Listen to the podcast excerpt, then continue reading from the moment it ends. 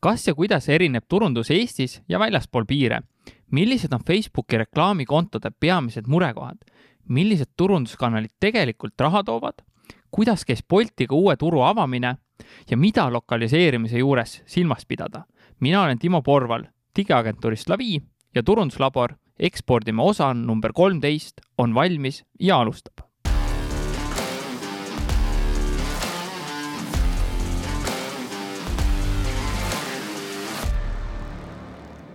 enne veel, kui läheme saate juurde, siis tule kindlasti meie Facebooki gruppi Ekspordime ja samamoodi kõik saated on Youtube'ist vaadatavad, otsi üles Ekspordime kanal, vajuta subscribe ja oled alati kursis, kui uus osa ilmub.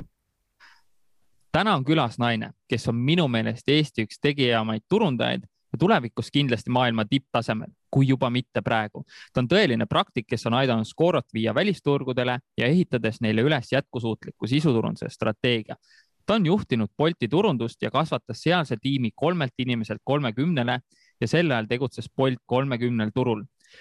tema kirjutatud artiklid on jõudnud, jõudnud Content Marketing Institute'i, Social Media Examineri, Kissmetricsisse, Client Boosti, Ad Espressosse ja Copy Hackersisse. ta on isikliku veebiga karolkarlsson.com USA turul märksõnadega best Facebook ads tuhat viissada otsingut, Facebook ad examples kaks tuhat otsingut, Instagram ad cost kaks tuhat kuussada otsingut, number üks ja tema veebi domain rating on viiskümmend kaheksa. lihtsalt veidi sõpra tögades, siis Karl Kanguri juhitud smashdigital.com domain rating on viiskümmend kuus. Karl, mis plaan möödumiseks on? täiesti segane värk, kuidas ta nii palju jõuab ning teab ja nii nagu ma talle Facebooki chatis ütlesin, et võiksin vabalt teda kaksteist kaksteist tundi jutti küsitleda ja vestelda. Karol Karlsson, tere tulemast podcasti Ekspordime otse Pariisist. tere, Timo äh, räägi mulle, kuidas erineb äh, turundus Eestis ja väljaspool piire üldse, et läheme kohe selle ekspordi kallale mm. -hmm. Huh, no eks ta mingis mõttes nagu ei erinegi selles mõttes, et äh, printsiibid on samad, sa pead leidma kanalid, mis toimib äh, sa pead äh, vaatama, mis toob tulemusi, mõõtma tulemusi, aga mis ähm, nii-öelda eksportimisel juurde tuleb, on kogu selline lokaliseerimine kindlasti, äh, kui palju tõlkida, kuhu turgudele minna, äh, kui palju neil turgudel investeerida, mis meetrikud neil turgudel on, selles mõttes, et Eestis ja UK-s näiteks reklaamid on väga erineva hinnaga. et ma, ma ütleks jah, et see ei ole nii erinev, aga sa pead kindlasti rohkem turge tundma ja see on väga oluline, et sa valiksid õiged turud, kuhu minna. näiteks äh, Eesti ettevõtted päris tihti lähevad kas äh, Lätti-Leetu või siis tahavad äh, ja Läti-Leedu tihti toimivad, aga siis Eesti ettevõtted otsustavad, et me nüüd tahaks minna ka Soome ja Rootsi ja need kaks turgu on lihtsalt nagu üks kohutavamaid valikuid, nad tunduvad väga lähedal aga nad on väga, kuidas öelda, nagu võõravaenulikud võib-olla või et mm -hmm. pigem eelistavad Lääne-Euroopa tooteid või kohalikke tooteid, et äh, ma arvan jah, et välisturunduse juures on väga oluline see, et sa teaksid, kuhu sa tahad minna kuidas, kuidas sa neid õigeid turge valida või mis parameetrite abil sa jälgid, et sa võid tuua mõned kliendid, kelle näitel sa oled neid tur turgude valikut teinud või siis jah? No näiteks Bolt on väga hea näide sellest, et äh, Bolt oma algusaegadel näiteks tahtis minna äh, Hollandisse ja kutid fail isid seal päris valusalt. Ja siis äh, viimase õlekõrrena nad tõesti nagu hindasidki mingi kindla maatriksi järgi erinevaid turge ja selle põhjal nägid, et hmm, Lõuna-Aafrika on nagu kõigi numbrite järgi hea turg, aga pff, nii veider turg, kuhu minna samas.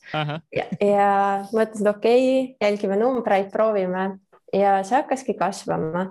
nii et äh, ma arvan, et see on hästi oluline, et ettevõte, kui ta hakkab laienema, siis ta teeks korraliku research'i, et äh, mis on konkurents, mis on mingid äh, majanduslikud näitajad äh,, mis on mingi keskmine tarbija neil turgudel, et äh, see on pigem jah, hästi nagu sihuke põhjalik eeltöö, mis peaks minema sinna turgude valimisse.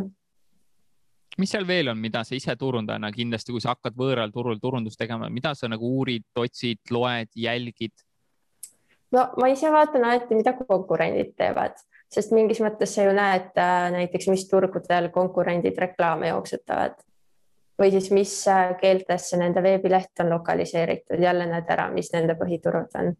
et äh, ma arvan, et niisugune konkurentide järgi laienemine on päris tihti hea strateegia, eriti kui sa ise ei tea, mida, mida sa tahad teha või kuhu minna äh,. mis ma veel olen vaadanud äh,? noh, kui juba nagu mingid turud välja valida, siis äh, mida saab teha, on see, et sa jooksutadki seal natuke online reklaame ja vaatad, et äh, kuidas tarbija neil turgudel käitub.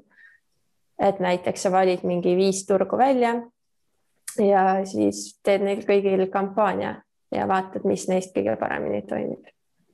palju sa sellistele reklaami, palju sa reklaamiraha kulutad sellise uue turu testimisele, et sul juba mingit nii-öelda otsuse koht hakkaks tekkima seal?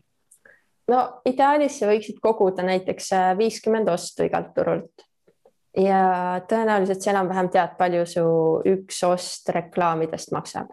näiteks võib-olla kakskümmend eurot ja siis sa korrutadki selle viiekümnega, saad teada, et see on tuhat ehk siis iga uue riigi reklaamieelarve võiks olla vähemalt tuhat eurot mm. -hmm. sa mainisid ka lokaliseerimist, ütle palun, mis sa selle all silmas pead ja kuidas seda õigesti siis eh, teha? no kusjuures jah, lokaliseerimine on äh, põhimõtteliselt nagu äh, kohaliku turu keelde tõlkimine, aga tõlkimisel ja lokaliseerimisel on äh, samal ajal päris suur vahe. et äh, tihti, kui sa lihtsalt äh, tõlgid, siis sa saad väga sellise mehaanilise teksti, et mis lokaliseerimine tegelikult on, on ikkagi nagu kohalikku keelde ja kultuuriruumi teksti viimine.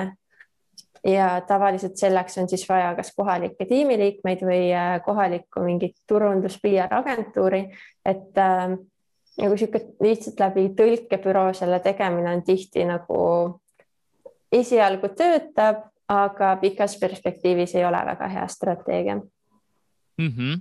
kas kohalikud telefoninumbrid mis seal veel on selle lokaliseerimise juures kindlasti olema peaks? no kindlasti kogu nagu tekst, aga kohalikud telefoninumbrid ideaalis, äh, kui sul on mingi online toode, siis kogu see toode võiks olla lokaliseeritud. Äh, kohalikus keeles customer support on kindlasti väga oluline, eriti kui sa teed äh, B2C turundust. mis seal veel on? ma jah, ma isegi ei tea, kas mingid kohalikud telefoninumbrid ja selline teema on nii oluline, võib-olla mingites kohtades äh, näiteks tean, et mõned ettevõtted, äh, kui nad lähevad USA-sse, siis äh, nad loovad USA-s endale nagu kas mingi fake kontori näiteks ostavad mingisuguse mm -hmm kontoriruumi või mailbox'i ja siis panevad oma aadressi kodulehele, et neil on nagu USA-s ka kontor, et äh, igasugu asju tehakse usalduse võitmiseks. Mm. -hmm ma korra tahtsin küsida, et kuidas seda nagu noh, sa ütlesid, et võtta see kohalik partner seda copy't nagu tegema, aga noh, sa tead ise, eesti keeles võib kirjutada copy't väga erineval tasemel, sa oskad inglise keelt super hästi, on ju samamoodi, et kuidas seda hinnata, noh, ma ei tea, kuskil soome keelest või nagu ma ei tea, itaalia keeles, et see copy on päriselt hästi tehtud, kuidas seda kvaliteeti kontrollid? Tead, ma ise olen vaadanud, et kõige efektiivsem kvaliteedikontroll on lihtsalt kirjutada kellelegi, kes räägib seda keelt ja siis paluda tal üle vaadata. et äh, noh, näiteks Boltis ma sain ise vaadata mingeid tiimi prantsuskeelseid tõlkeid üle ja päris tihti nägin, et nagu võib-olla see ei ole kõige parem sõnastus, et inimesed ikkagi kipuvad suhteliselt äh, üks-ühele tõlkima ja ei mõtle alati, et mis on see kõige parem võimalik lahendus mm. -hmm siis leida lihtsalt eh, mõni kohalik inimene endale appi. kas ta peab ja. olema klientide hulgast keegi või võib ta olla täiesti väljaspoolt kõrvalseisev? ma arvan, et pigem jah, täiesti on okei okay,, kui sul on mingi tuttava tuttav, kes on äh, hea keeletundega või siis äh, küsidki tiimilt, et kas näiteks nemad teavad kohapeal kedagi või siis mm -hmm. noh, variant on ka veel teine agentuur võtta, aga see tõenäoliselt läheb väga kalliks ja alati ühel agentuuril on teise kohta midagi alati öelda, vaata, see on üks koodimees väga... teisele, et noh, kunagi ei ole kood perfektne mm. -hmm. sa oled äh, väga paljusid ettevõtteid äh, turundusega aidanud äh, väljapoole piire, mis, mis sa arvad, mis on nende edulugud, lugude ja siis ka ämbrite sellised nagu ühisosad? edulood kõigepealt äkki?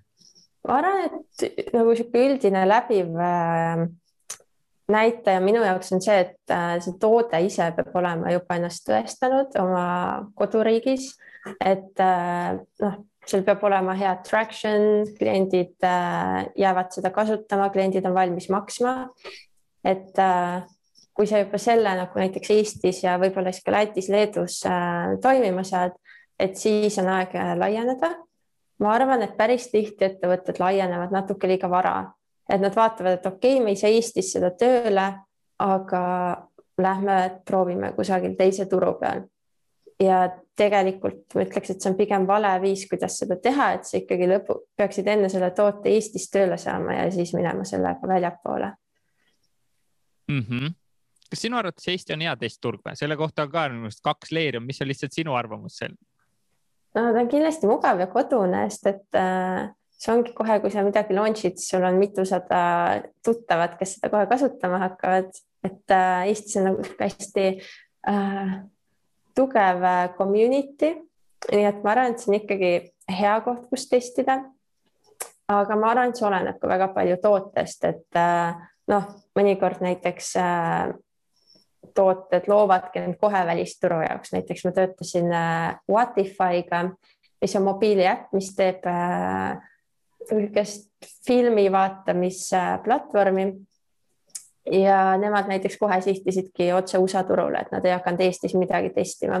natuke võib-olla testisid enne Rootsis, nii et äh, ma ütleks, et Eesti ikkagi on hea turg, kus alustada, et ta on väga turvaline ja kindel.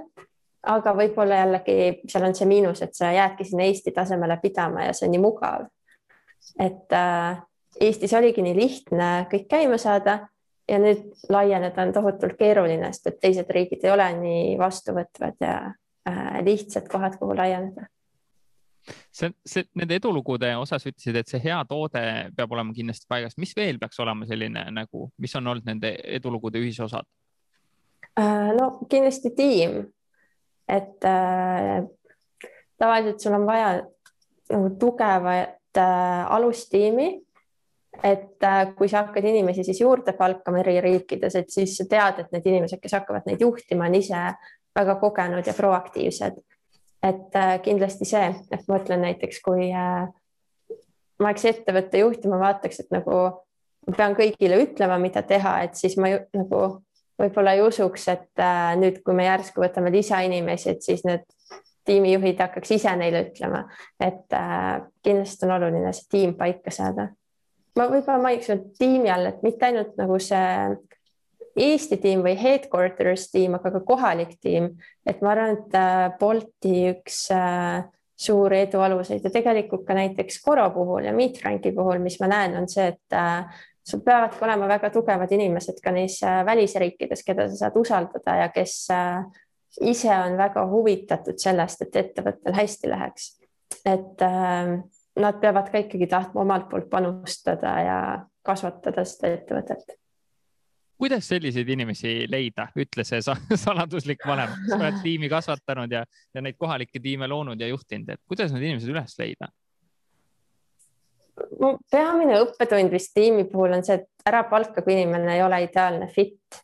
et äh, pigem otsiks kaks kuud kauem, kui võtaks kellegi, kes ei ole päris äh, õige inimene sinna rolli ja teine asi on kindlasti see, et äh, kui sa lihtsalt töökuulutuse üles paned ja jääd ootama, siis sa ei saagi häid inimesi tavaliselt, et sa pead ikkagi ise otsima ja neile kirjutama. et äh, kui ma Boltis palkasin, siis ka ikkagi suurem osa inimestest, kes on turundustiimis, äh, ma kas ise kirjutasin neile või meie palkamistiim kirjutas neile. et neid, kes nagu ise oleks kandideerinud, on pigem vähe mm. -hmm aga kus sa, kus sa leidsid need inimesed, sa nägid, et vot neile just võiks ise kirjutada, vot neid ma just tahaks? Äh, no LinkedIn on suhteliselt efektiivne.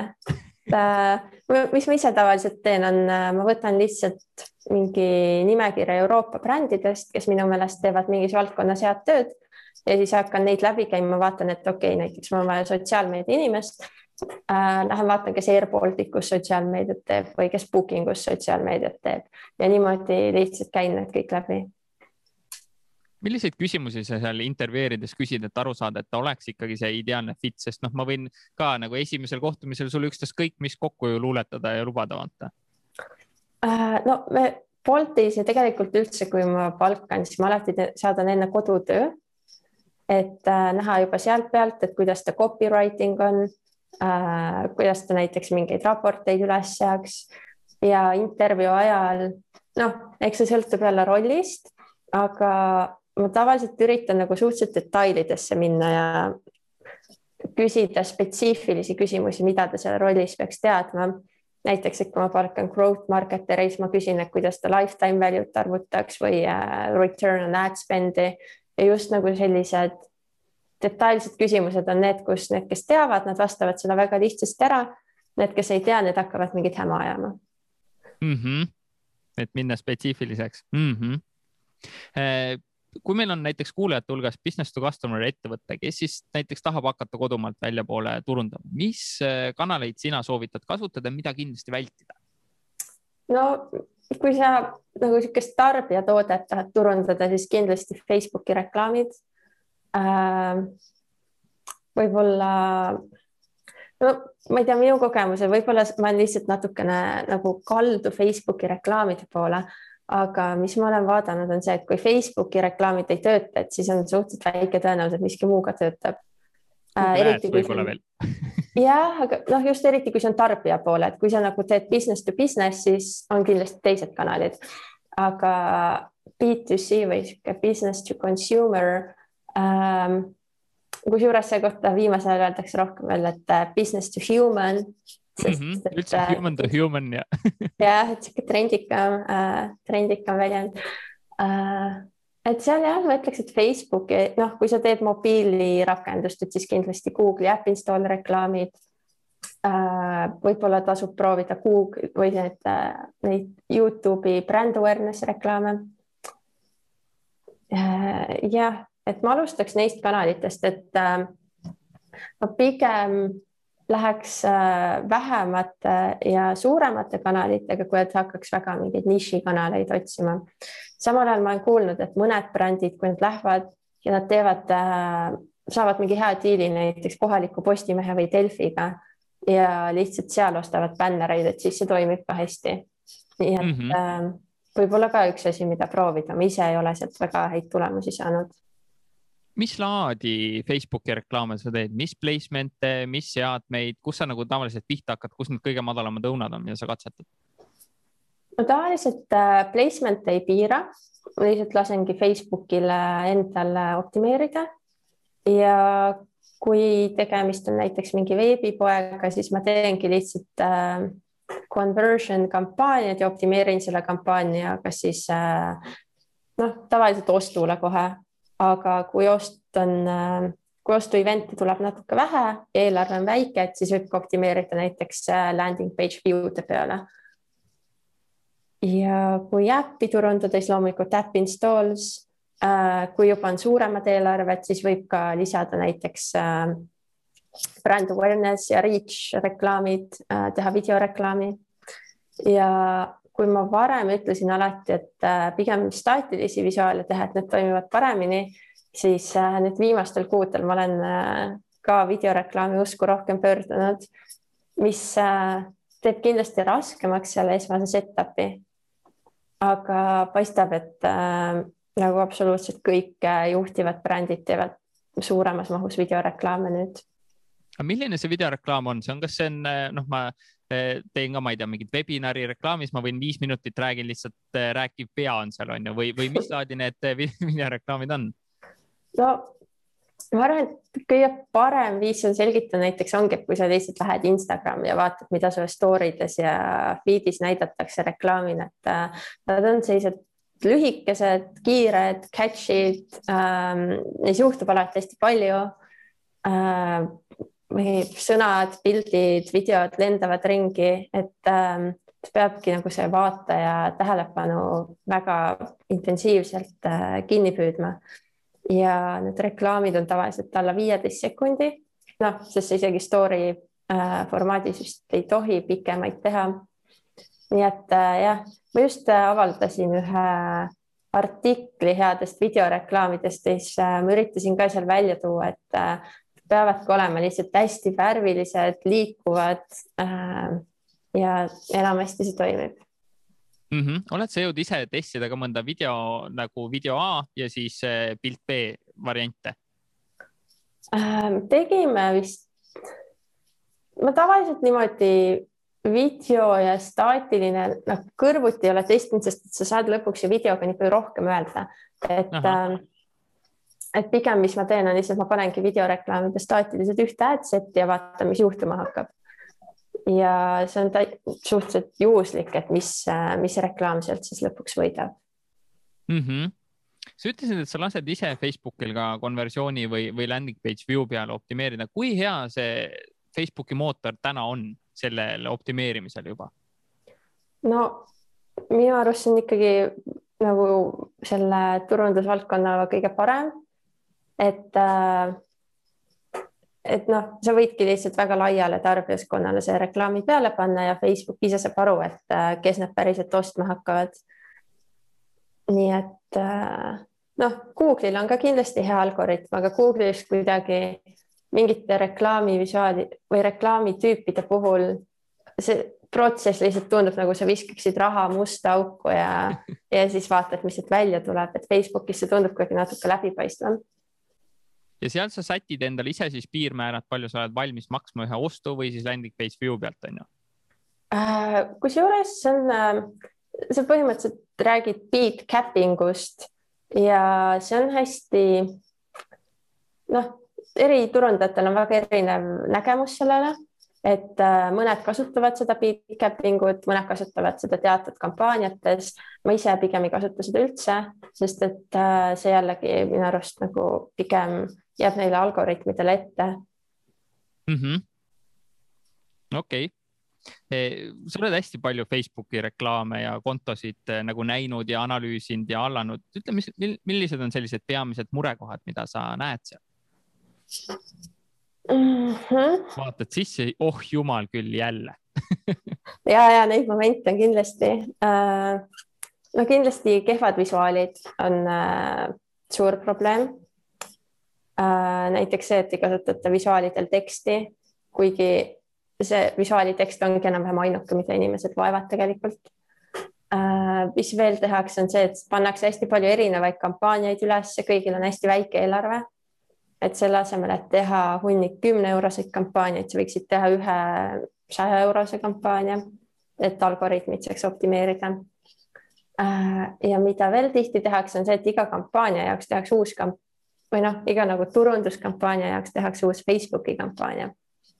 ehk siis äh, iga kord, kui sa uue kampaania teed, siis algoritmid hakkavad nullist õppima. et äh, pigem, mida peaks tegema, on see, et sul on üks kampaania mille sees sa siis kogu aeg vahetad välja visuaale. et, äh, et algoritmid saaks paremini õppida üle pika aja. ja võib-olla viimase veana ma tooks välja, et remarketingi ei tehta tihti, mis on äh, täiesti selline low hanging fruit, mida absoluutselt kõik peaksid tegema äh,. nii et jah, tehke remarketing kampaaniaid kas sul selle remarketingi osas on strateegiate osas ka mingid soovitused, noh, ma ei tea, inimene on vaadanud mul mingit toodet, kas ma nüüd talle näitan uuesti lihtsalt seda toodet või, või kuidas ma talle võiksin läheneda? Äh, kui tegemist on e-poega, siis tegelikult saab teha dünaamilist remarketingi, et äh, sa nagu näitadki inimestele oma tootekataloogist mingeid spetsiifilisi tooteid, mida nad on juba vaadanud. aga muidu on ka täiesti variant, et sa lihtsalt võtad kõik veebilehe külastajad, kes on seal käinud viimase kolmekümne päeva jooksul ja teed neile mingi üsna üldise remarketing kampaania. ja minu kogemusel töötab see ka väga hästi ja eriti kui tegemist on väikse või alustava ettevõttega, siis sellest võib täitsa piisada. kas see kampaania sõnum on nagu, et tule lihtsalt osta uuesti või seal on nagu mingi sooduskupoon, kupong pandud või mis, mis, mida sa kasutad? Äh, kindlasti remarketingis sooduskood töötab väga hästi, et äh, pakkuda näiteks miinus kakskümmend protsenti soodukat. nii et äh, ma arvan jah, et see on suht nagu number üks remarketing pakkumine. aga täiesti variant on ka see, et sa lihtsalt räägid veel oma toote benefit idest või näitad e-poe tooteid ja inimene tuleb selle pealt tagasi aga kui mul ei ole e-pood, mul on lihtsalt eh, veebileht, inimene on käinud mu, ma ei tea, blogi lugemas ja mu eesmärk on saada kätte see nagu pärintalt mm. -hmm.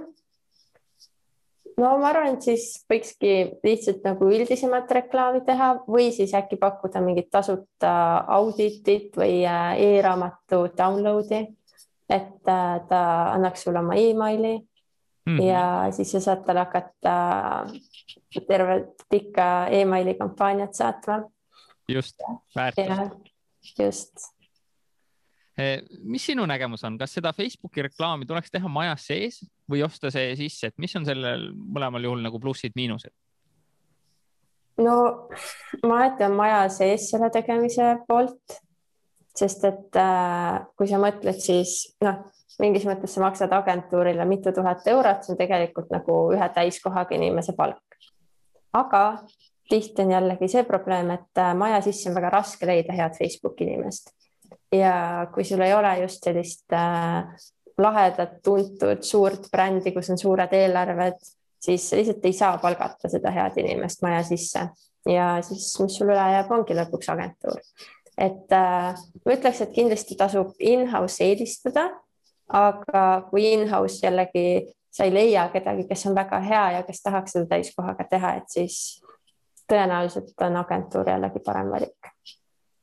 Kui ma olen täna täitsa nagu noh, olengi ettevõtja, olen täitsa nullis oma täna Facebooki reklaamidega, mis sa arvad, kui kiiresti ma endale selle tegemise tegelikult normaalsel tasemel selgeks õppida, kuskohast üldse õppida täna sellist, keda sa soovitad mm? -hmm.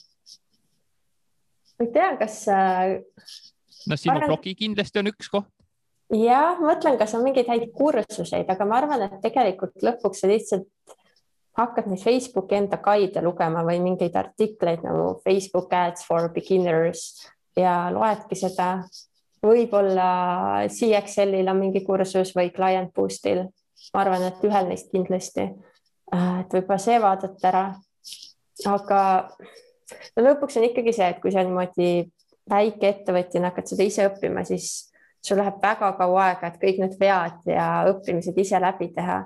et äh, võib-olla kui keegi tõesti tahab seda õppida, et siis tasukski nagu kõigepealt ise lugeda ja siis võtta kas agentuurist näiteks mingi inimene juurde, kes nagu aitaks kaasa mõelda ja need üles seada just või kasvõi tegelikult on see, et konsulteeriks või auditeeriks siis, mis on vahepeal nagu tehtud, on ju.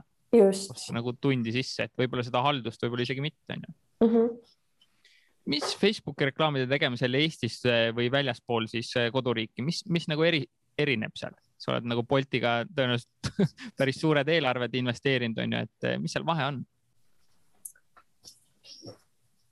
ma olen päris mitut kontot ka näinud, mida näiteks USA kõige kuulsam Facebook või noh, üks suuremaid Facebooki agentuure Client Boost haldab ja nad ei tee midagi teistmoodi kõik on, kõik on üks sama best practice, et äh, teed nagu funnel'i, prospecting, remarketing, võib-olla re-engagement äh,, teed iga riigi kohta kampaania äh,, lased algoritmidel optimeerimise teha.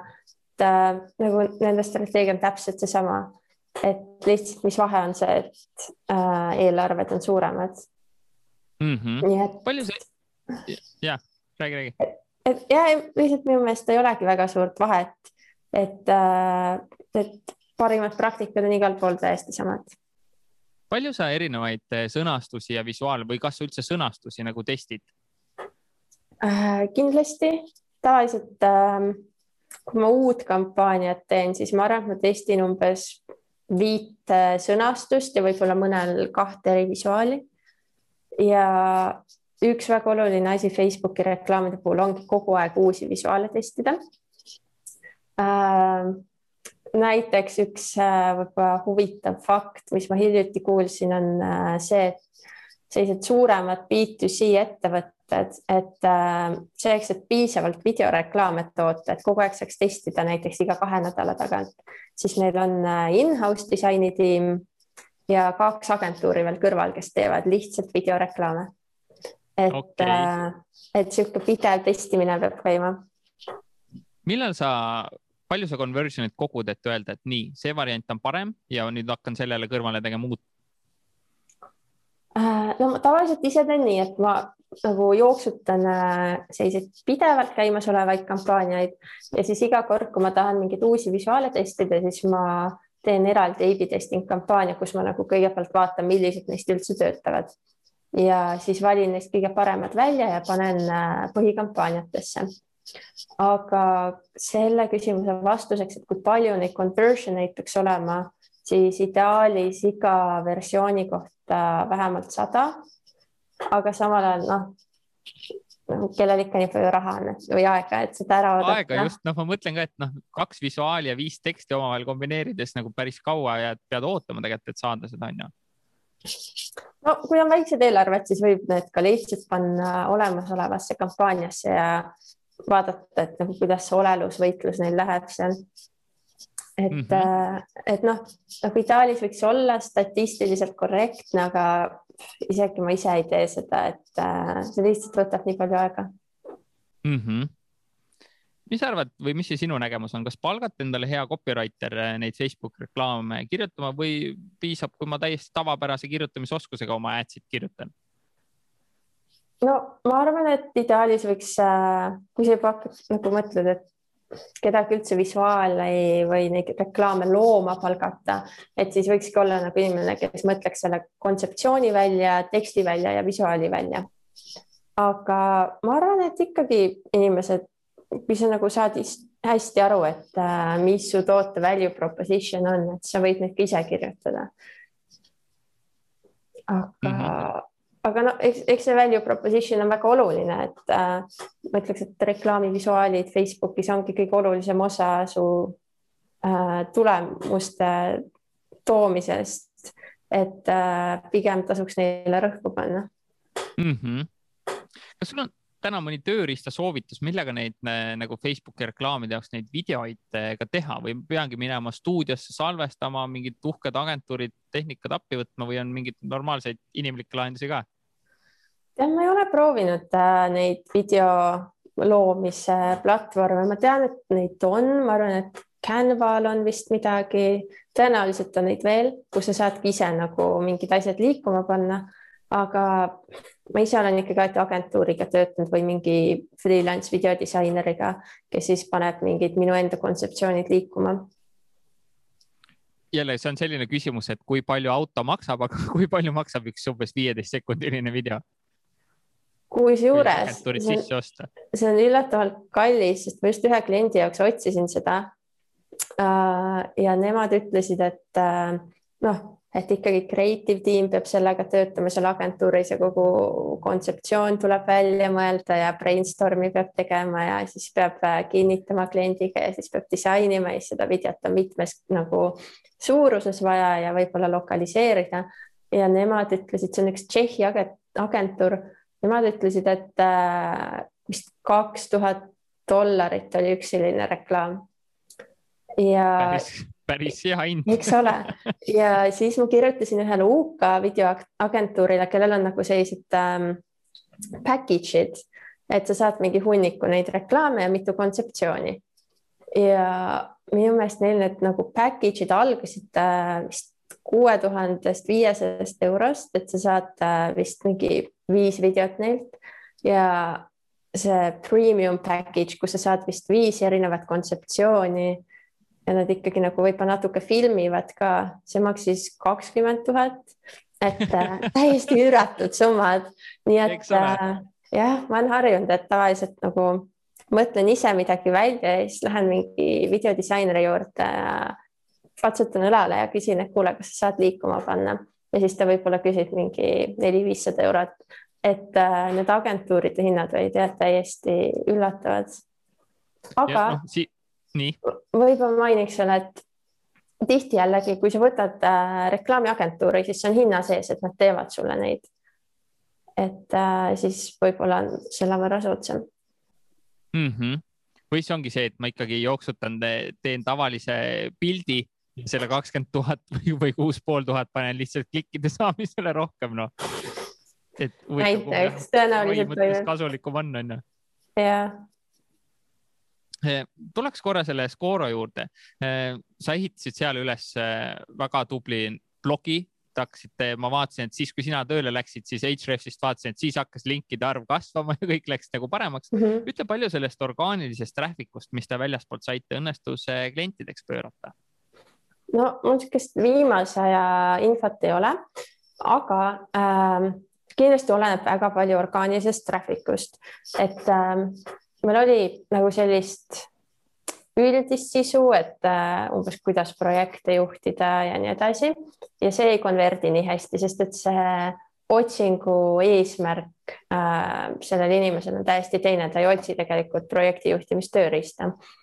aga siis me avastasime sellise nipi, et me hakkasime tegema liste äh, eri äh, tööhaldustoode äh,, tööhaldustarkvarast töö äh,, projektihalduse tarkvarast, Exceli alternatiividest ja lõpuks meil oli vist mingi kakskümmend niisugust äh, listi, kus nagu me põhimõtteliselt panime kõik oma konkurendid ja siis Koroga sisse. ja me saime sellega päris tihti top üheks. ja see tõi väga hästi äh, just nagu kvaliteetseid liide sisse. et äh, tihtipeale võib-olla see konkurentide listimine ei olegi kõige halvem, mitte et pigem seda peaks vaatama nii, et noh, ütleme näiteks, et sul on äh, projektijuhtimistarkvara ja kui sa guugeldad, et best äh, project management tools Google'is ja see tuleb näiteks Google'i avalehel on mingi kümme artiklit, kus on need listid nendega ja kui sa ise üheski neist listis ei ole, siis su valik on see, et kas sa teed ise listi, kus on ka su konkurendid, sa oled seal esilehel või sa ei ole seal üldse, et mm -hmm. äh, ma arvan, et ei peaks olema väga äh,, ei peaks kartma konkurentidega enda kõrvutamist ma arvan, et see on päris julge samm ka lõpuks või nagu lugejale paistab see julge sammuna, et ma julgen enda kõrvale ka konkurendid välja tuua. jah, ja ma arvan, et tegelikult lugeja tihti isegi alguses ei märka, et see on selle ühe tarkvara blogi, et ta lihtsalt näeb, et see on Google'is esikohal ja usaldab seda mis te, kui see inimene sinna blogisse tuli, kuidas te sealt teda edasi suunasite, ma ei tea, mingit emaili saama või mingit pakkumist küsima või mis see järgmine samm sealt muidu oli teil? äh,.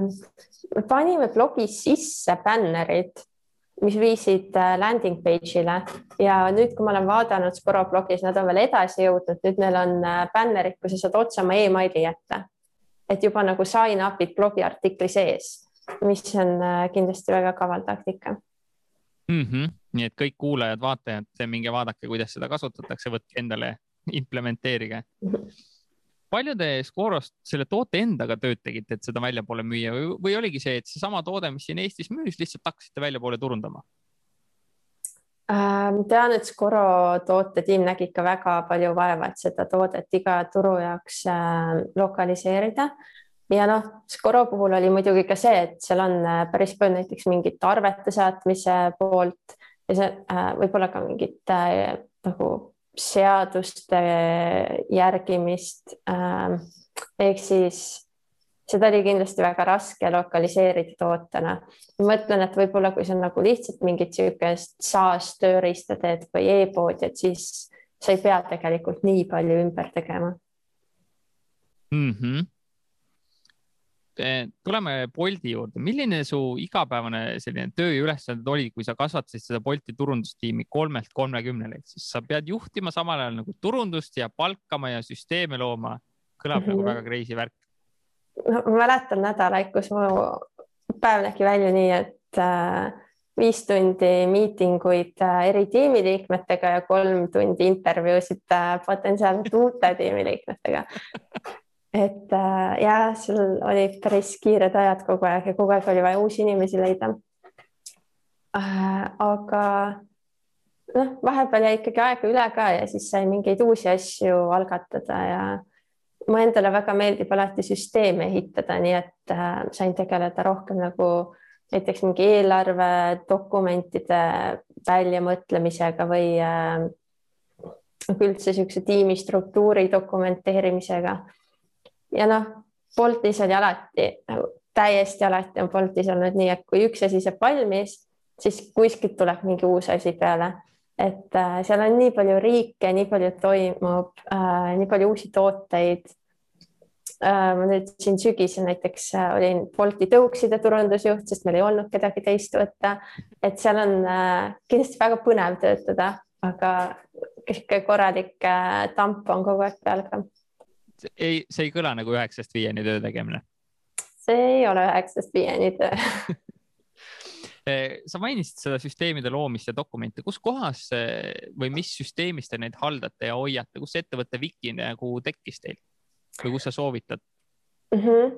Uh, Wiki meil on Confluence'is, mida ma soovitakski kõigile uh,. ma tean, et Notion on ka päris hea, aga me kasutame Confluence'i ja üldiselt kogu sihuke vana hea Google Business Drive, et uh, ongi päris palju dokumente lihtsalt Google Drive'is, kasutame Google Spreadsheet'e, et äh, pigem nagu me Boltis mingeid siukseid nunnusid startup'i tööhaldusasju ei kasuta, et lihtsalt nagu kõige loogilisemad tööriistad, mis on kõigile kättesaadavad igal pool äh,. Slack äh, ja noh, siis mingid kindlad nagu turundus ja toote tööriistad sinna kõrvale mm. -hmm kuidas te Boltiga neid uusi turge avasite, mis tegevusi tegite, mis need eelarved olid?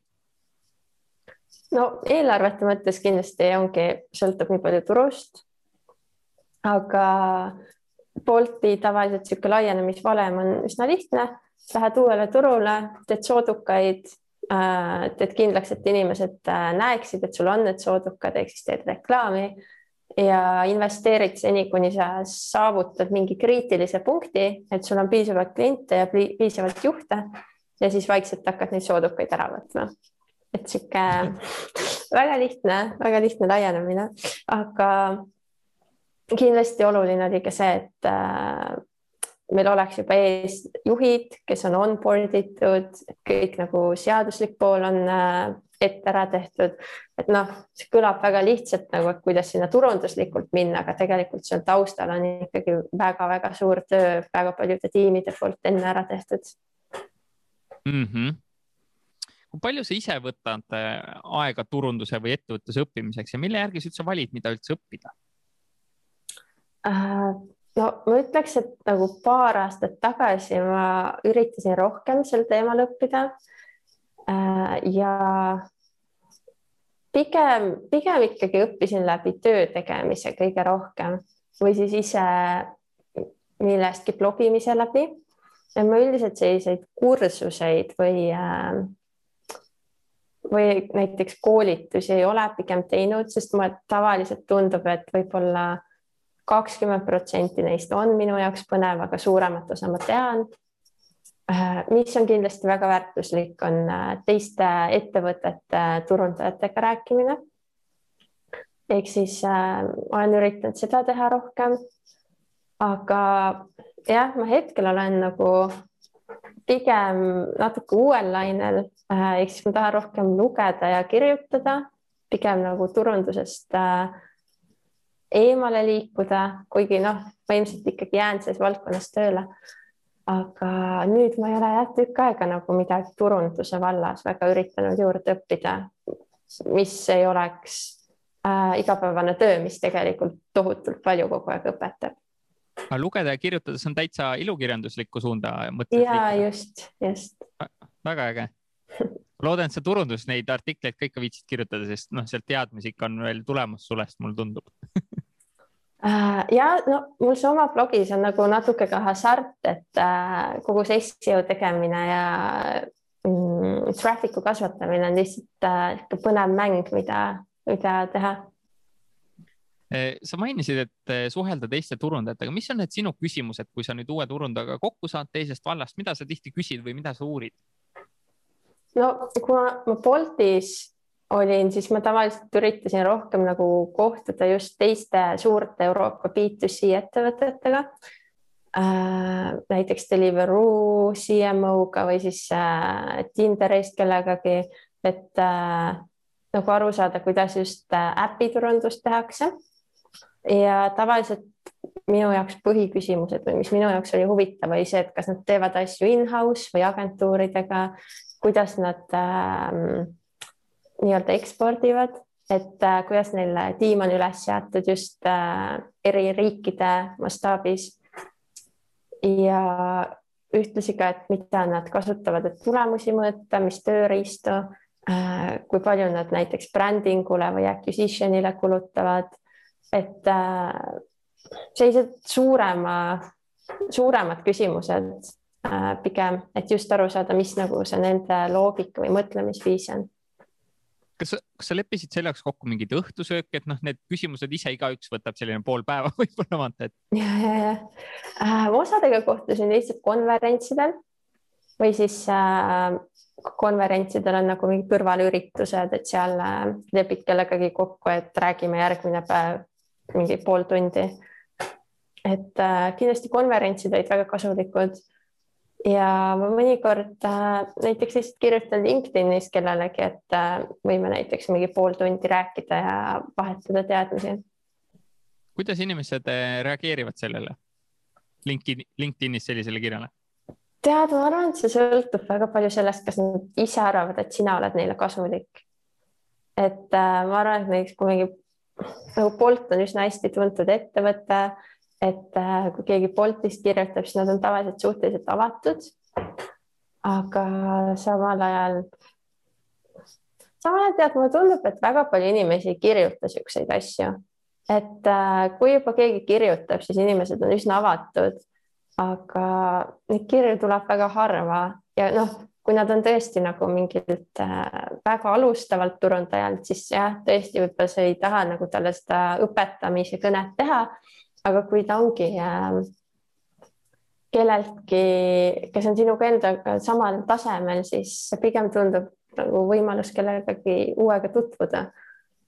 ja kindlasti, kui ma Bolti inimesi palkasin, siis ma sain väga palju tuttavaid äh, turundajaid juurde ja sain nendega ka arutada, kuidas nad eri asju teeksid.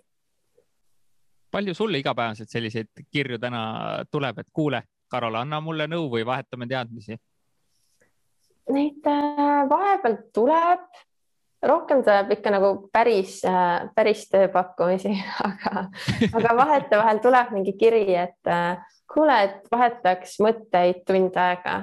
Ja tavaliselt need kirjad on nii kehvad, nad on nagu, neis ei ole midagi personaalset, neis ei ole nagu nad ei selgita, miks nad tahavad minuga rääkida või miks ma peaks nendega rääkima ja siis ma tavaliselt äh, ei teagi, kas ignoreerin neid või ütlen viisakalt, et mul kahjuks ei ole aega mm. -hmm ehk siis siit äh, väike nagu nõuanne, et personaliseerige ja öelge, miks te tahate, mis need küsimused võiks olla, mida arutada, on ju.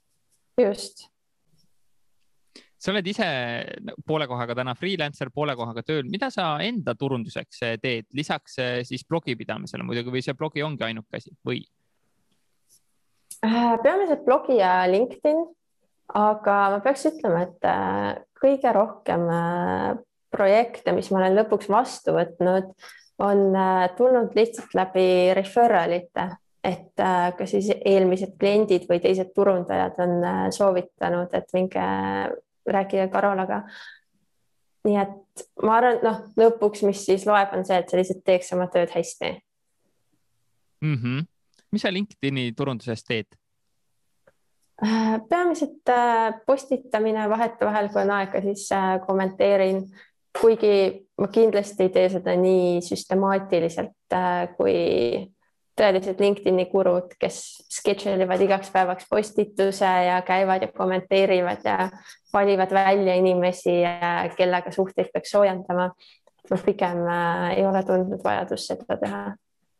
tööd on niigi palju, vaata no täpselt no head inimest, see on heade inimeste tunnusmärk. aga ütle, kui nüüd mõni ettevõte mõtleb, et eh, palgata sind või ükskõik mis teistsugust eh, konsultanti, et mis ettevalmistus tal olema peaks või ongi see, et noh, tule umbes siia, näed sa, siin on minu Ads'i konto või siin on minu veeb või seo. mis see nagu ettevalmistus peaks olema sinu arvates? ma arvan, et põhiline on äh, see, et ettevõte teaks täpselt, mida ta tahab sellest koostööst. et äh, mitte lihtsalt see, et tundub, et nagu tulemused on veits halvad. Äh, võtame kellegi kuskilt, et ta midagi teeks, et äh, tavaliselt see on nagu minu jaoks niisugune ohumärk, et ettevõttes endas ei ole kedagi, kes nagu otseselt teaks, mida ta tahab saavutada.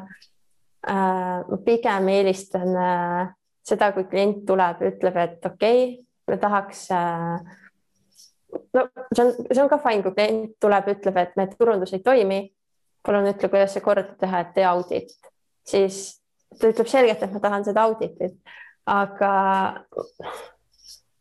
tavaliselt, mis ma teen klientidega, ongi see, et ma nagu vaatan neil igast kanalid üle ja siis soovitan, et mida saaks parandada. samal ajal on ka neid, kes tulevadki lihtsalt ja ütlevad, et me tahame, et sa aitaks Facebooki reklaame hallata. Ja sel juhul on oluline, et nad teaks, mis on nende jaoks see Facebooki reklaami tulemus, mida nad tahavad saada, et kui palju nad on valmis kulutama, mis peaks olema mm, nagu return on investment Äh, mis peaks olema cost per acquisition, kõik sellised detailid. kui sa ise nüüd äh, konsultandina mõnda sellisesse ettevõttesse lähed, millised need äh, peamised kohad on, kus sa vaatad, et ah, siin raudselt raisatakse raha või siit võiks kasvu leida ja need nagu auditites välja tuua? kuhu sa pilgud pöörad? Ma tavaliselt vaatan äh, kõige tavalisemad soovitused, mis ma teen, on see, et äh, kindlasti, et mingeid reklaamikontosid natuke optimeerida, paremaks teha äh,. siis üks äh, kanal, mida ettevõtted väga vähe kasutavad või kehvasti, on äh, emailid, mis on tegelikult tasuta kanal, mida kõik peaksid, jah, mida peaks nagu korralikult tegema ja sinna rõhku panema. Ja üks asi, mida liiga palju tehakse, mis on minu meelest aja raiskamine, on äh, sotsiaalmeedia ja blogi. Et kui neil nagu kindlat väärtust ei ole ja nad kliente ei too, siis äh, pigem isegi mõnikord on öelnud ettevõttele, et paneme need täiesti pausile nüüd ja teeme teie korralikud siuksed acquisition kanalid kõigepealt korda, et lihtsalt kuskile Instasse postitada või Facebooki, nii et mitte keegi seda tegelikult ei näe äh,, on lihtsalt väga suur tiimiressursi raiskamine sa oled ka, ma saan aru e, emaili turunduse fänn, sest see toob raha, onju. ütleme mingeid selliseid nõuandeid ja, ja nippe siin kuulajale-vaatajale, mida emaili turunduse puhul kindlasti peaks äh, jälgima ja arvesse võtma. no kindlasti segmenteerimine, et, äh, et äh, olekski nagu iga mingi tootesisese event'i või siis e-poe sisese liigutuse peale kasutaja saaks mingi meili. Äh, kindlasti, mis töötab, on ka aeg-ajalt sooduskampaaniate tegemine äh, võib-olla iga kolme kuu tagant, et siis need kliendid, kes nagu ei ole ikkagi päris kindlad olnud, et tahavad osta, siis äh, sa saad need ikkagi kätte, sest muidu nad lihtsalt unustavad su ettevõtte ära. ja pigem, pigem ongi nii, et sellist asja nagu liiga palju email'e ei ole olemas, et äh, noh, mingi Uber ja Bolt reaalselt saadavad võib iga päev mõnikord emaili inimestele, sest et me näeme, et see toobki lisatulemusi. ja kindlasti peakski alati mõõtma, et kas seal on mingi uplift tulemustes ka, et kui sa seda meili saadad. Kas sa saad siin mingit lihtsalt huvi pärast mingeid Bolti numbreid eh, tuua välja, et saatsite, ma ei tea, sajale tuhandele meili välja, palju open rate'id on, palju unsubscribe'e oli, palju click, click rate'id olid tavaliselt mingid siuksed nagu keskmised? tead ma isegi nagu võiks neid põhimõtteliselt jagada, aga ma ei ole Bolti emaile nii äh, lähedalt jälginud äh,. no eks need open rate'id jäävad minu meelest alati kuskile kahekümne kanti. Ja võib-olla saad mingi kavala subject line'iga selle natuke üles viia, aga noh, vaata Boltil on ka hästi suur äh, kasutajate baas, et äh, siis seal ikkagi ongi nagu need industry keskmised äh, open rate'id, mis on niisugune kakskümmend, kakskümmend kaks. Samal ajal äh, näiteks welcome äh, email ehk siis nagu tervitus email äh, mitte Boltil, aga ühel mu teisel kliendil äh, sai äh, keskmiselt nelikümmend viis, viiskümmend protsenti avamisreidi, mis on väga hea äh,. see on väga hea. ja noh, see on selles mõttes ka hea, et kui ta juba see korra ära avab, et siis tõenäoliselt need järgmised meilid äh, lähevad ka ilusti inbox'i ja ta saab need kätte kuidas sa jällegi, eh, sa oled ise väga paljude agentuuridega koostööd teinud, et kuidas paljude hulgast see õige agentuur endale leida või ka konsultant, et noh, ma ei tea, juttu esimesel kohtumisel jälle kõik on väga ilusad, me kõik aitame, et kuidas välja nagu sõeluda need parimad enda jaoks? Ma ütleks, et agentuuri valimine on tohutult raske. Äh, ja noh, seal veel kõige lisaks sõltub äh, väga palju sellest, et kes seal agentuuri siseselt siis sinu kontoga ikkagi tööle hakkab. Et võib-olla sa alguses kohtud äh, selle tiimi juhiga ja siis pärast sul on mingi praktikant, kes tegelikult seda kampaaniat üles paneb äh,. nii et mu enda kogemusel ikkagi lõpuks soovitused on vist kõige olulisem asi üldse. või et äh, tasubki küsida agentuuridelt, et kes need inimesed on, kes meie kontoga hakkaks tööle, et võib-olla kui sa nagu freelancer'i palka, siis on lihtsam, sul on ainult üks variant aga agentuuris äh, näiteks minu kogemusel ongi olnud päris tihti see, et äh, üks hetk see hea kontohaldur läheb sealt töölt ära ja siis tuleb keegi uus konto peale ja siis äh, tulemused hakkavad langema. nii et äh, ma arvan jah, et soovituste põhjal on kõige parem. mis sa veel sellelt agentuurilt äh, küsid lisaks sellele, et kes, kes nagu haldama hakkab, mis sa talt veel uurid äh,?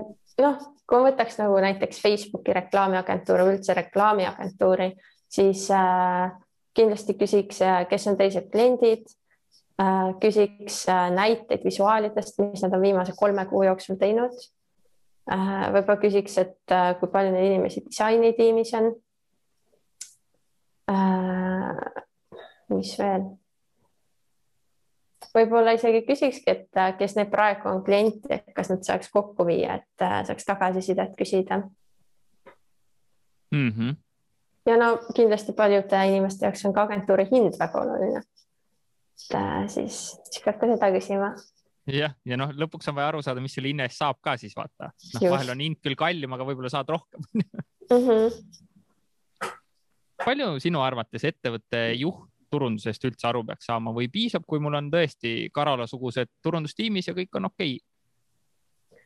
ta mõnikord on parem, kui ettevõtte juht ei saa turundusest aru ja ei pane oma nina sinna sisse.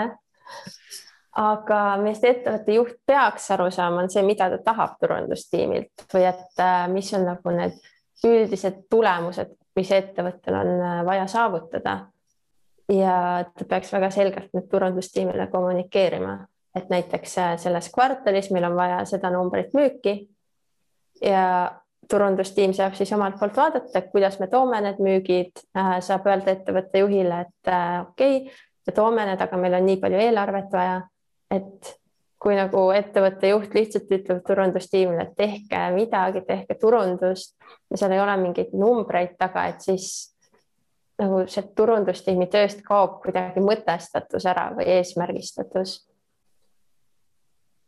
mm. -hmm ma natuke uurin ka sinu selle artiklite loomise protsessi kohta, et sa kirjutad mm -hmm. väga pikki ja põhjalikke artikleid ja tahtsin küsida ka seda, et kui tihti sa uuendad näiteks oma kaks tuhat seitseteist kirjutatud postitusi ja kui seal kuupäev juures on äh, lugejale, kas siis ei ole see tunne, et äh, äkki see on nagu vanaks läinud postitus, et mis ma enam sealt ikka loen äh,? täiega peab uuendama, näiteks äh, ma just vaatasin äh, see videoreklaamide artikkel, mida ma just uuendasin see oli vist varem kuskil kaks tuhat kaheksateist kirjutatud ja ma vaatasin, et Google'ist ei tule enam äh, klikke. ja ma tegin selle ümber, panin, noh, nüüd avaldasingi nagu uue artiklina. Äh, ja jälle Google'i esilehel, et äh, sihuke uuendamine on kindlasti väga-väga oluline aga ja... kogu sellise artikli loomise protsess, kuidas see sul käib, istud lihtsalt maha ja kirjutad Google Docsi kõik välja, mis sa tead, uurid, kuidas see käib äh,? enam-vähem jah, tavaliselt äh, panen kõigepealt nagu siuksed üldpunktid kirja, mida ma tahan äh, käsitleda artiklis. ja siis hakkangi nagu iga punkti all äh, võib-olla alguses äh, teen research'i, lihtsalt copy paste in väga palju infot äh,, otsin mingeid visuaale ja siis lõpus äh, lihtsalt nagu käin üle selle kogu artikli ja kirjutan ta päriselt valmis. palju sul on läinud, et ajaliselt keskmiselt, kui sa oled mõõtnud, et kirjutada arti artiklit sinna suurtesse väljaannetesse nagu Social Media Examineri näiteks?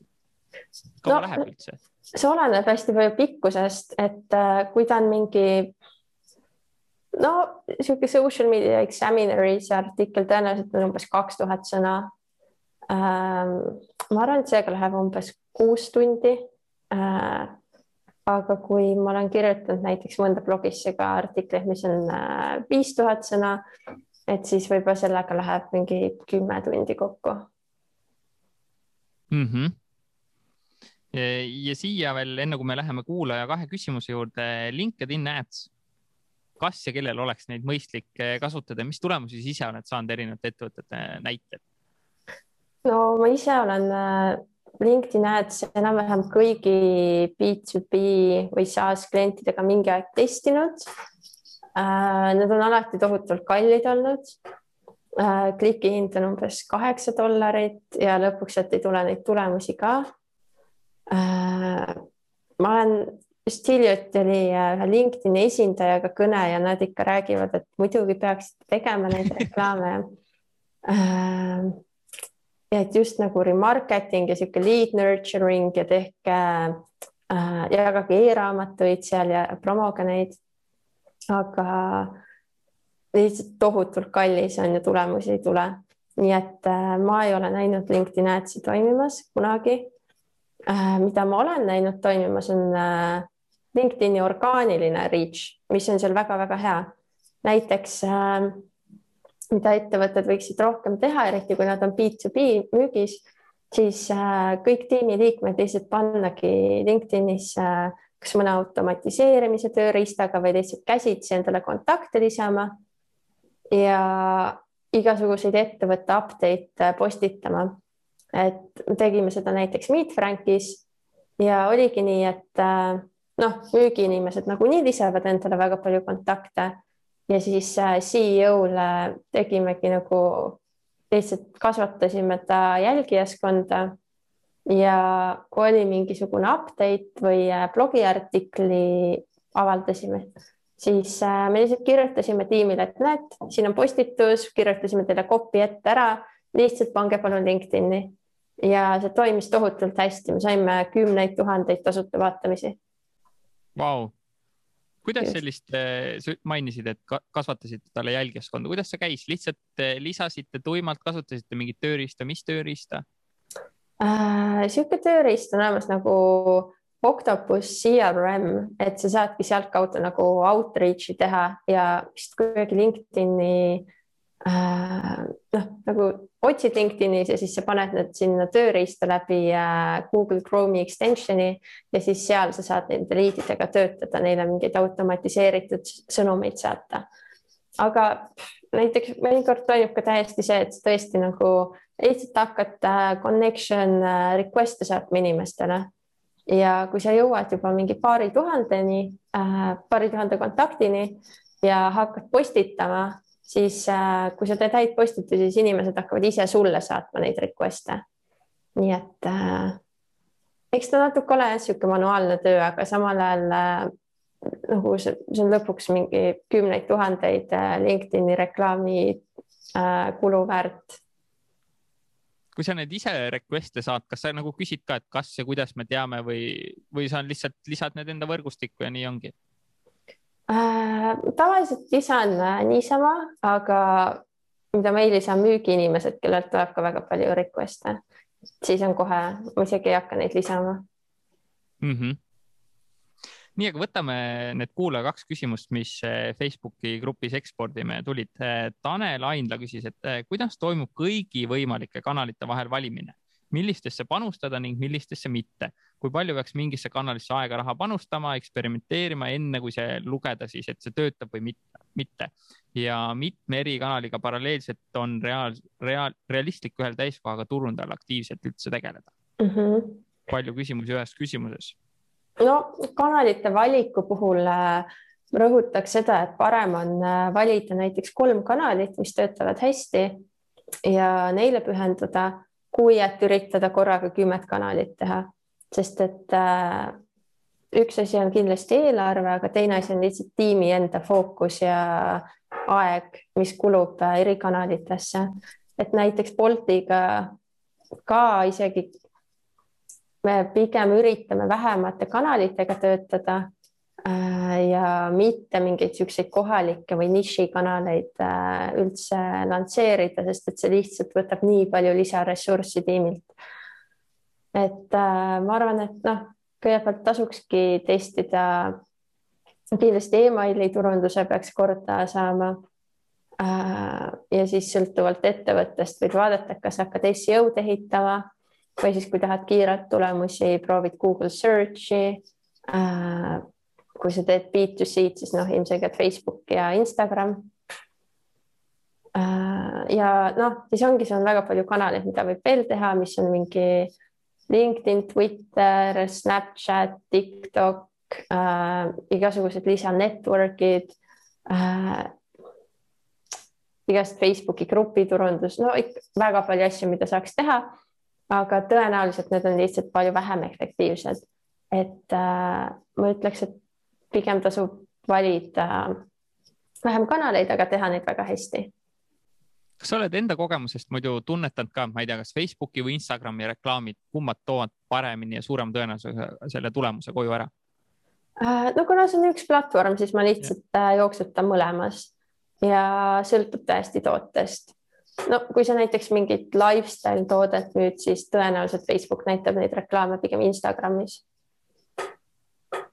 mm. -hmm ja Uku Kudu küsib, et eh, sooviks kuulda põnevaid üllatusi, mis tulid päevavalgele, tehes erinevaid turunduseksperimente, et alguses arvad ühte, aga tegelikult tuleb hoopis teine tulemus.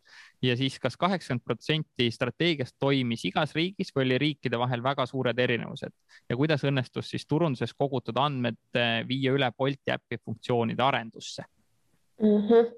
okei uh,, ma alustan siis teisest poolest, et uh, kas kõigile riikidele toimub uh, sama strateegia Äh, enamjaolt äh, eriti online reklaamide puhul jah, toimib.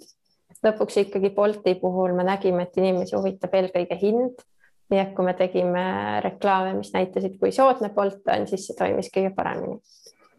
Äh, aga mis igal riigil on veits erinev, on sihuke üldine nagu branding sõnum või mingid turunduskampaaniad et äh, noh, näiteks Aafrikas võib-olla inimeste jaoks on olulisem äh, see, et sõit oleks ohutu, nad äh, üldse elusalt koju jõuaksid.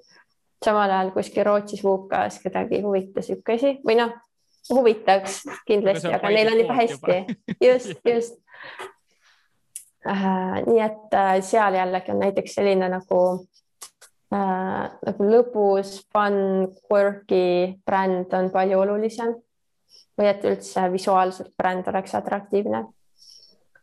Äh, võib-olla Ida-Euroopas jällegi inimeste jaoks on hind väga oluline, aga samal ajal mingil määral ka bränd ja noored huvituvad äh, roheteemadest.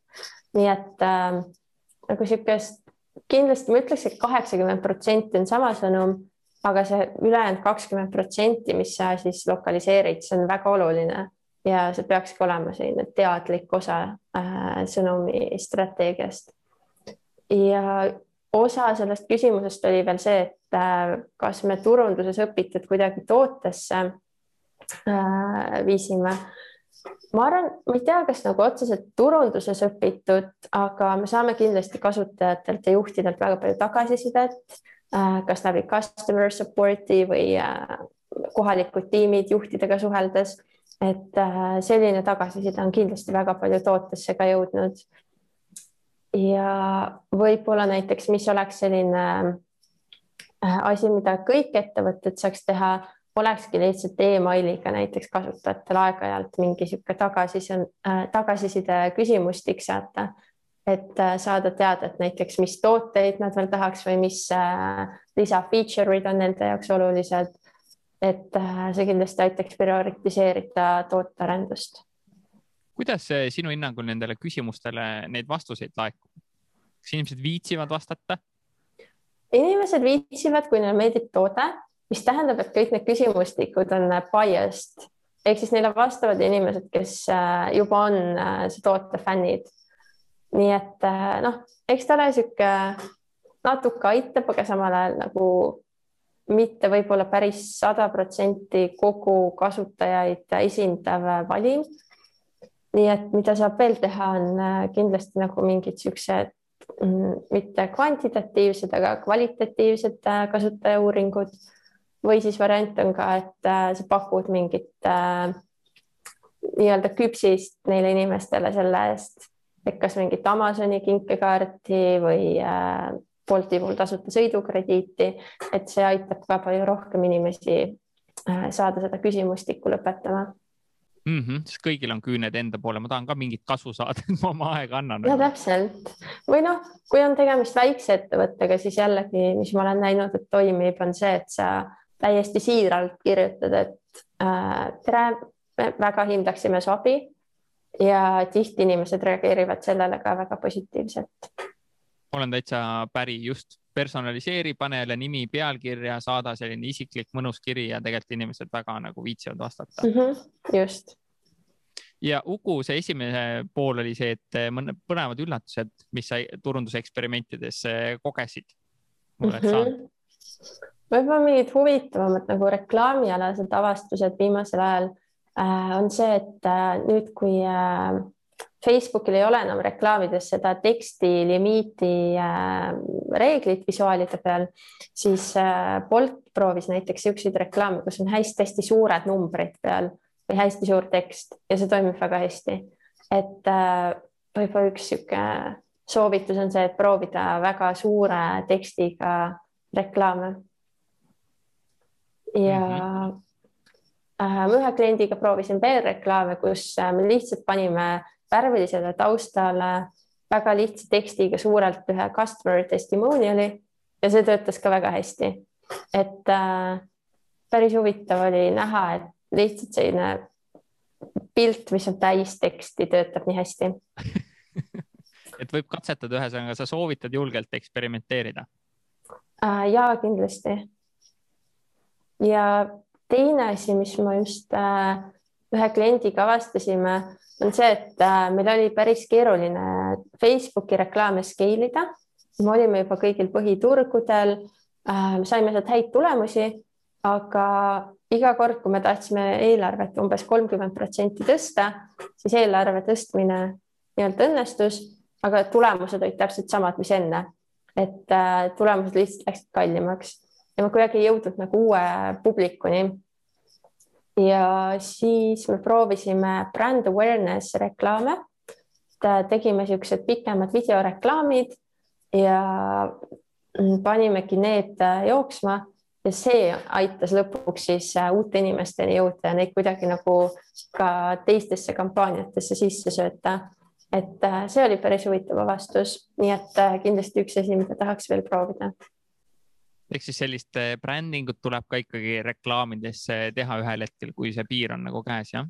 jah, ja kuna Facebook on ka seda alati soovitanud, et äh, siis tundubki, et see on üks asi, kuidas äh, lihtsalt Facebooki reklaami algoritmid toimivad, et see on nagu ma ei tea, mingi vitamiin sellele reklaamikontole, et sa ikkagi näitad neid awareness videoreklaame ka, kuigi nad ise tegelikult otseselt tulemusi ei too nojah, Facebook eh, tahab ka seda, et me oleks seal keskkonnas ja meile ainult igast, eh, iga nurga alt võib-olla ei müüdaks, võib-olla see on selle nagu loogika ja selle vitamiini mõtte taga taga võib-olla on ju.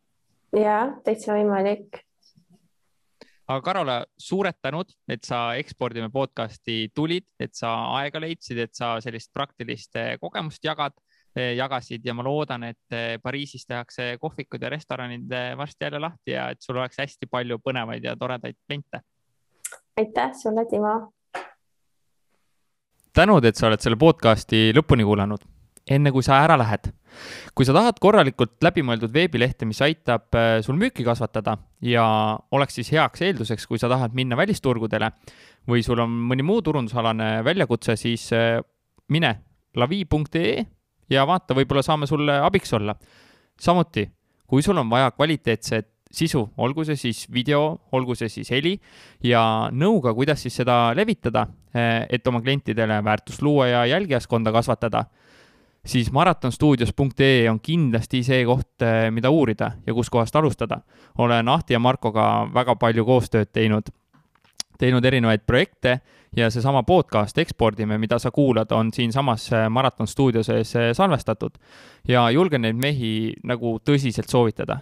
ja miks? On see, et nad on profid, nad hoolivad sinust, nad teevad asja hingega ja noh, sellist komplekti või kokteili kohtab ikka väga-väga harva